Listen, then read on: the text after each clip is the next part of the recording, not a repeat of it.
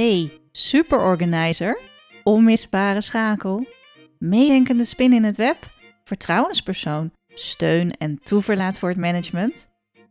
Geloof jij dat je elke werkdag plezier en voldoening kunt hebben van de professionele waarde die jij toevoegt en dat je aan het eind van de dag met energie weer naar huis terugkeert? Ik geloof dat dit kan. Ik ben Maaike Knoester en met mijn bedrijf Corion help ik secretaresses, office managers en assistants stil te staan bij wat ze werkelijk waard zijn en meer van hun ware potentieel te realiseren. Bij de 5 Sterren Assistant Podcast staat jouw toegevoegde waarde en werkplezier centraal. Verwacht prikkelende vragen, inzichten en realisaties, verhalen van herkenning, inspiratie die in beweging zet en luister naar interviews met secretaresses, assistants en hun managers. En vergeet niet dat jij de volle 5 sterren waard bent. Hey, leuk dat je weer luistert. Bij de 5 Sterren Assistant podcast horen soms ook solo-afleveringen. En ik had er al een tijdje geen één meer opgenomen. Dus het werd de hoogste tijd. We hebben een heel tof interview, vorig interview met uh, Kimberly gehad. Kimberly van der Talen van de Chaos Terminator. Ik vind het nog steeds een geweldige naam. Uh, gaat over hoe je uh, van chaos natuurlijk naar rust en structuur kunt komen. Nou, ik echt heel toffe reacties op gekregen. Uh, ook uh, iemand die zei: Ik vind het heerlijk luisteren naar zo'n Vlaams accent. nou, daar uh, ben ik het helemaal mee eens. En ja, met alle dank natuurlijk aan Kimberly, mocht ze nog luisteren. ja, er zijn echt heel toffe reacties opgekomen. En daarvoor hadden we een interview nog met Jolanda over Sister Empowerment.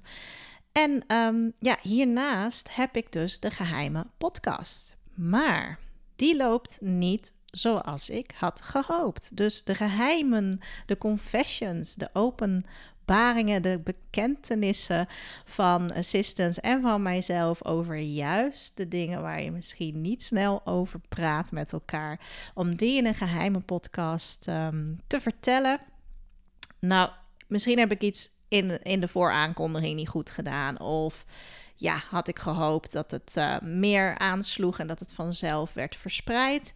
Ik heb er leuke reacties op gekregen, maar ik heb aan mijn luisteraantallen gezien dat het echt niet succesvol is. Niet de moeite om voor mij in elk geval mee door te gaan. Dus wat ik sowieso doe, is de twee confessions afleveringen die ik ook nog had in de geheime podcast, die publiceer ik gewoon hierna.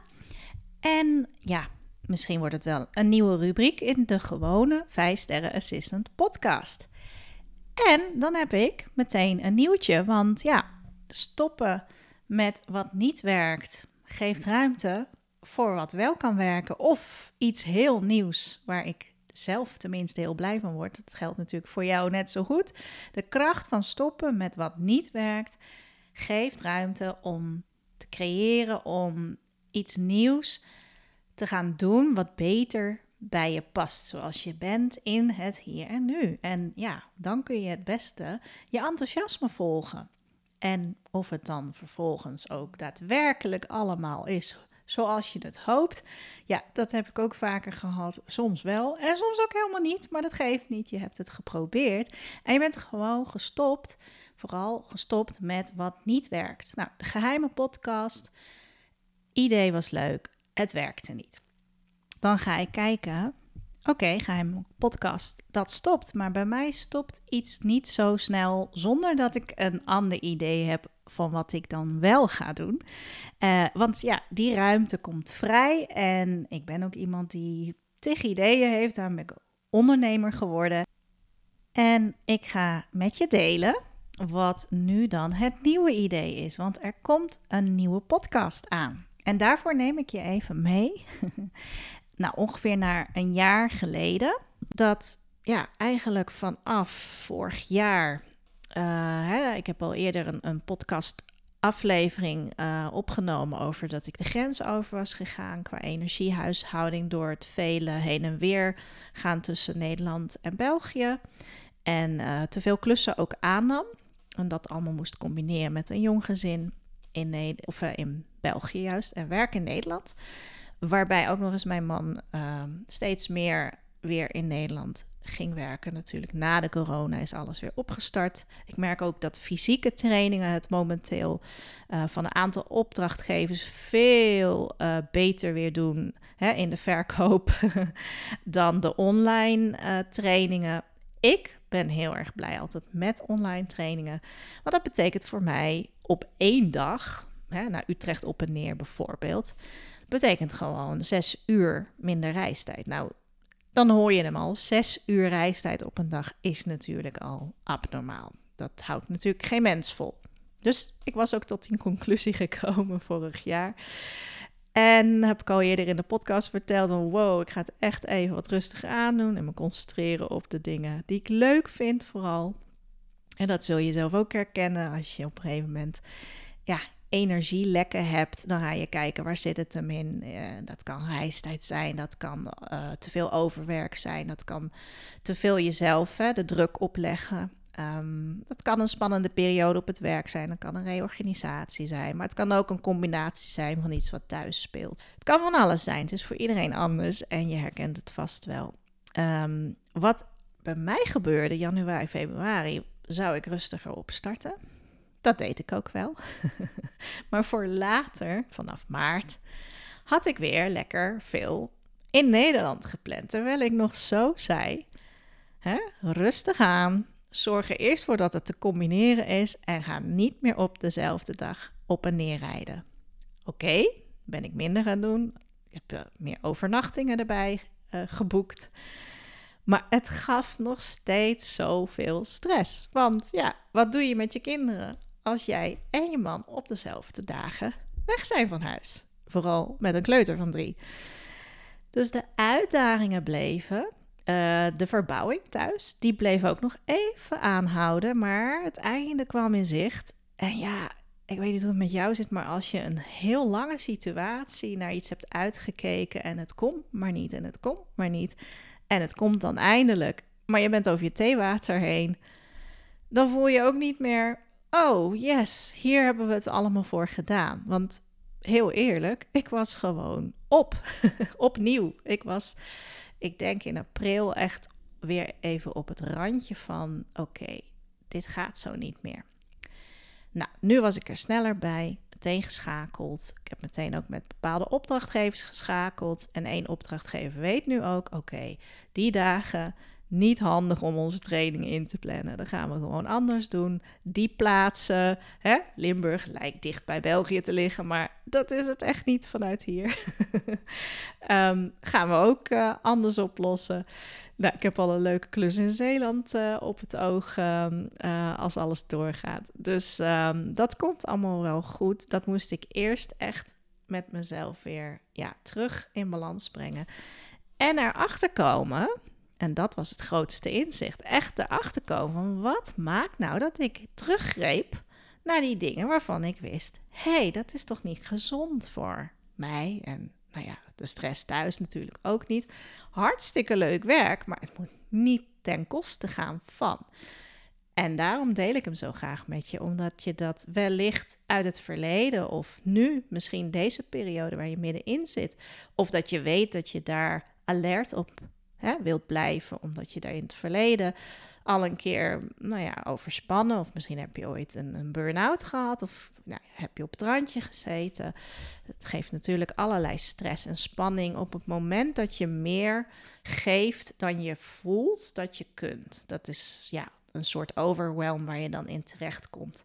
En ga je daar te lang mee door en zoek je geen hulp, zoek je geen oplossingen ja, dan kom je natuurlijk in een vicieuze cirkel waar het echt wel heel lang weer kan duren voordat je daaruit komt. Sowieso moet je hem eerst herkennen als vicieuze cirkel en moet je echt bereid zijn om stappen te gaan ondernemen om drastisch dingen anders in te gaan richten. Privé, op werk. Soms moet je open zijn, kwetsbaar zijn over wat er werkelijk speelt achter de schermen. En uh, ja, dat kan even duren voordat je dat wilt, maar je zult er een moment uh, aan moeten. Hè? Dus uh, nou ja, dat, dat, dat gebeurde ook bij mij in wat mindere heftige mate. Maar um, ik wou gewoon Nederland niet loslaten. Dat zat er dus achter. Wat was de reden dat ik toch greep naar: oké, dan ga ik gewoon wel die week twee keer op en neer. Waarom deed ik het mezelf aan? Met alle gevolgen van dien. Omdat ik Nederland zo miste. En zeker in januari, toen het hier in dit dorp waar ik terecht ben gekomen. ik heb er natuurlijk zelf voor gekozen. Maar de ligging en het huis waar het huis staat, dat was al wel bepaald. Dat stond er gewoon al. En um, dat werd heel mooi verbouwd dus. Dat is nu klaar, eindelijk na anderhalf jaar. Maar ja, hier zijn in de winter betekent voor mij gewoon als het saaie dagen zijn met grauw grijs weer buiten. Ik ga amper naar buiten. Oké, een beetje frisse lucht halen als het kan. En als ik ja, me bijna gedwongen voel om, ook al is het een prachtig huis geworden inmiddels, ja, als ik me bijna gedwongen voel om thuis te blijven, hè, want ja, familie, vrienden, de cafés, noem het maar op. Gent is hier ook echt niet om de hoek. Terwijl toen ik in Utrecht woonde, liep ik naar buiten en binnen vijf minuten, zeker binnen tien minuten, zat ik in het centrum van Utrecht. Um, ja, er was zoveel te doen en dat is niet. Hè. Dat is überhaupt niet het verschil tussen Nederland en België, maar wel het verschil tussen ja, een dorp of een stad. Dat is nogal een verschil. En ja, dat zijn allemaal dingen waar je natuurlijk van tevoren niet altijd even bewust bij stilstaat. Hè. Je maakt een beslissing op basis van een aantal factoren, op basis van je buikgevoel, op basis van argumenten, plus en minnen. We hebben alles in kaart gebracht. Kwamen er toen uit van ja, het is de goede keuze. Alleen in die maanden, januari, februari, kreeg ik gewoon spijt van mijn keuze. Nou, spijt hebben. Ik heb er laatst ook een uh, mail over gestuurd, mocht je die gelezen hebben. Uh, spijt is een gevoel in mijn lijf waar ik echt niet goed tegen kan. En dat herken je vast wel, want als je echt spijt voelt, voel je verlies, voel je ja, ook dat je niet helemaal kunt accepteren dat het zo is gegaan zoals het is gegaan. Hè? En het de titel van deze podcast, De kracht van stoppen met wat niet werkt. Ja, ik kon, ik kon het niet stoppen. Ik kon het gevoel van heimwee niet stoppen. Het werkte niet. Het zat me natuurlijk ontzettend in de weg. Maar tegelijkertijd moest ik het wel echt voelen en ja, ook uiten. En dat, dat vond ik al helemaal moeilijk. Want ga je hè, man of je kinderen, ja, mijn kinderen hoeven het natuurlijk niet per se te weten, maar hè, mijn, mijn man moest wel weten hoe ik mij voelde. En ja, ik vond het ook niet fijn naar hem toe om het te uiten van, joh, misschien heb ik gewoon echt de verkeerde beslissing gemaakt. Ik wil terug naar Nederland. Hè, op dit moment voel ik alleen maar, ik wil terug. Nou, dat is echt geen fijn gevoel. Vooral, hoe dan? Hoe dan? Huis is al een paar jaar geleden verkocht. Uh, Utrecht op dit moment uh, redelijk onbetaalbaar. Ja, en als je kijkt naar, we zijn met veel kinderen en uh, zeker waar we vandaan kwamen, appartement met twee kamers voor vier mensen. Dat gaat natuurlijk niet, hè? naast de woonkamer, maar twee slaapkamers. Ja, dat gaat niet met z'n vieren. En uh, nou ja, dat is weer een lang verhaal geworden nu, maar ik wil, ik wil er wel gewoon heel eerlijk over zijn.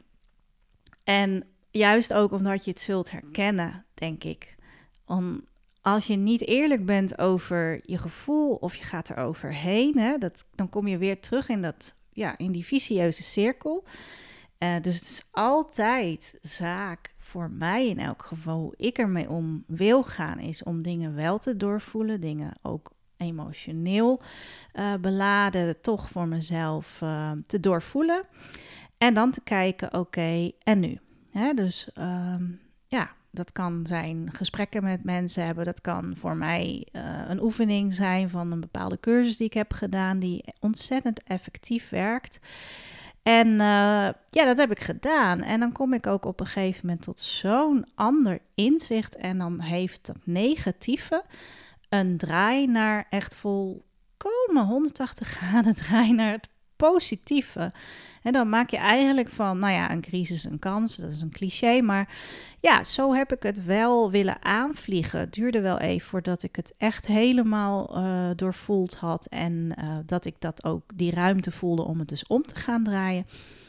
Maar dat deed ik op een bewuste nou, wat zal het zijn? Een dag dat ik inderdaad terugreed vanuit Nederland van een training. Hartstikke leuke dag overigens.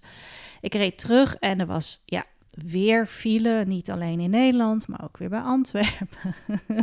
ja, ik zou echt in de auto willen podcasten, want ik heb tijd zat. dus dat ga ik ook zeker doen in de toekomst. Maar ehm, ja, ik reed daar weer en, en ik was in de stress omdat ik bang was. Oh, ik moet mijn dochter nog ophalen. En ik kom weer pas om half acht aankakken bij dat gezin. Terwijl om half acht gaan, gaan die jonkies naar bed natuurlijk. Uh, ja, ik voelde me zo... Oké, laten we dit nou gewoon eens positief bekijken en omdraaien. Dus ik deed een oefening zelf, een bewustwordingsoefening. En uh, ja, ik kwam echt tot een ander inzicht. En heel mijn ervaring van België begon ik anders te bekijken. Het heeft echt heel erg geholpen. Dit is een oefening ook. Ja, weet je, je kunt het ook doen met je werk. Je kunt het doen op je partner. Je kunt het doen op elke situatie waar je maar. Uh, ja, op een andere manier naar wilt kijken, een ander perspectief erover wilt innemen. Als je dat interessant vindt, overigens, Kofi doet er natuurlijk heel veel mee bij de gewoontes uh, 1, 2 en 3. Hè. Paradigma shift noemt hij het. En ik heb zelf heel veel oefeningen uh, vanuit de Avatar-opleiding gedaan. Daar zitten ontzettend mooie oefeningen in. Die, ja, de stappen zijn super simpel. Maar het resultaat is altijd dat je een positieve, andere shift krijgt. Hè? Echt een andere kijk op de situatie. En dat je dan jezelf echt lichter voelt. Hè? Dus een zware situatie kan ineens een reka worden van: wow, ik had dit nog niet gezien en nu zie ik het pas. Maar daar heb je wel echt voor nodig dat je ruim wordt en dat je dus andere perspectieven begint in te nemen. En ehm, ja, het is ook heel fijn als je daar natuurlijk op gecoacht kunt worden. En omdat ik die oefening uh, heel vaak heb uh, gecoacht, ook bij anderen, kan ik die ook prima zelf doen. Ik kwam tot de conclusie, ik ga hier gewoon iets heel gaafs van maken. En uh, ik voelde hem al, ik voelde hem al langer geleden, want dat is vaak met, met ideeën die je hebt, dat ze de eerste keer komen ze op en daarna blijven ze een beetje rondspelen. Soms vergeet je ze weer. Maar hij kwam terug in deze oefening. Ik denk, ja, ik ga een podcast beginnen over precies dit. Emigreren naar België, verschillen in cultuur. Um, ja, hoe ga je om met heimwee? Hoe gingen andere Nederlanders mij, die mij voor zijn geweest, hoe zijn die ermee omgegaan? En dan ging ik automatisch ook denken aan een uh, uh, Jaap-Jan of Jan-Jaap van der Wal, um, de cabaretier, die een Vlaams televisieprogramma notabene heeft gehad. Hij is met een Antwerpse getrouwd. Um, ik ben altijd al benieuwd naar het verschil tussen assistants in Nederland, assistants in België. Ik krijg er een ontzettend goed beeld van, maar tot nu toe vrij eenzijdig vanuit Nederlanders. Want de Vlaamse assistants, die praten niet zo over hun werk. En ik kom moeilijker met ze in contact. Of ze vertellen gewoon, ja, bij mij is er geen ruimte voor groei of ontwikkeling. En die doen niet zoveel aan reflectie zoals wij dat heel gewoon zijn. Gewoon is trouwens gewend. gewoon is Vlaams, gewend is Nederlands. Ja, dat soort dingen.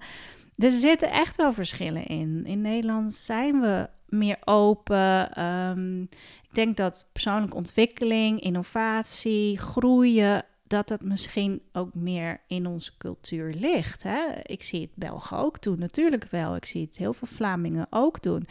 Maar het is toch anders. En ja, die nuances op te zoeken en juist door ook bekende Vlamingen of bekende Nederlanders daarover te interviewen. Ja, ik werd er helemaal blij van. En ik heb ook uh, laatst ben ik gewoon op een vrijdag ervoor gaan zitten. Ja, wie wil ik dan interviewen? Er komen allemaal namen op. Ik heb de eerste, de beste heb ik aangeschreven. Daarna nog iemand. Nou, van de tweede heb ik nog niks gehoord. Maar de eerste had binnen 24 uur gereageerd. Ja, leuk. Uh, moet even kijken wanneer we het doen. Het is druk. ja, super gaaf. Dus um, ik ga een nieuwe podcast starten in plaats van de geheime podcast. En ja, voor jou als assistant is het misschien helemaal niet relevant. En misschien interesseert het je ook echt werkelijk niks. Wat nou het verschil is tussen Vlaanderen en België. Behalve inderdaad misschien rond assistants of managers en werkwijze. Dat zal zeker ook een thema worden. Maar dat zal ik hier dan ook in de 5 sterren assistant podcast aankondigen hoor. Op het moment dat er echt ook ja, relevante onderwerpen besproken worden, zal ik dat zeker aankondigen. En misschien vind je het helemaal te gek. Dan denk je, oh, kom maar op. Uh, leuk, interviews. En ja, ik zal natuurlijk zelf ook een aantal uh, afleveringen weer solo opnemen. Mijn zoon ga ik interviewen. Die is inmiddels 12 en die heeft ook een heleboel ervaring in België en in Nederland. Dit is een nieuwtje, vers van de pers. Komt een nieuwe podcast. Uh, misschien gaat die heten. Ik heb getwijfeld over België. Namens uh, hè, België van uh, Henk Westbroek. En um, nou ja, eigenlijk het goede doel natuurlijk. Henk Westbroek zou ik ook dolgraag willen interviewen hoor. Die, uh, als die helemaal begint te praten. Hè? Waarom hebben ze dat liedje ja, zo genoemd? Vraag ik me dan af. Waarom is het België geworden vanwege de zachte taal en zo? Maar hoe zijn ze erop gekomen? Nou, lijkt me een ontzettend leuk interview. Het is vooral luchtig, uh, leuk, maar ook weer natuurlijk met de diepgang die je van mij gewend bent. Uh, als je nog niet vaak hebt geluisterd, ja, ik ga graag de diepte in. Heb ik deze aflevering ook weer gedaan. Je hoort van mij, het wordt uh, september dat ik het lanceer. Ik heb nu als uh, streefdatum 14 september. En ik neem je graag mee af en toe achter de schermen, ook op socials, van hoe het gaat. En voor nu zeg ik kracht van stoppen met wat niet werkt goed plan. ben benieuwd wat jij zou willen stoppen, wat niet werkt. En uh, ja, wat je dan voor ruimte gaat krijgen voor iets waar je ook zoveel passie over hebt. Nou, reageren.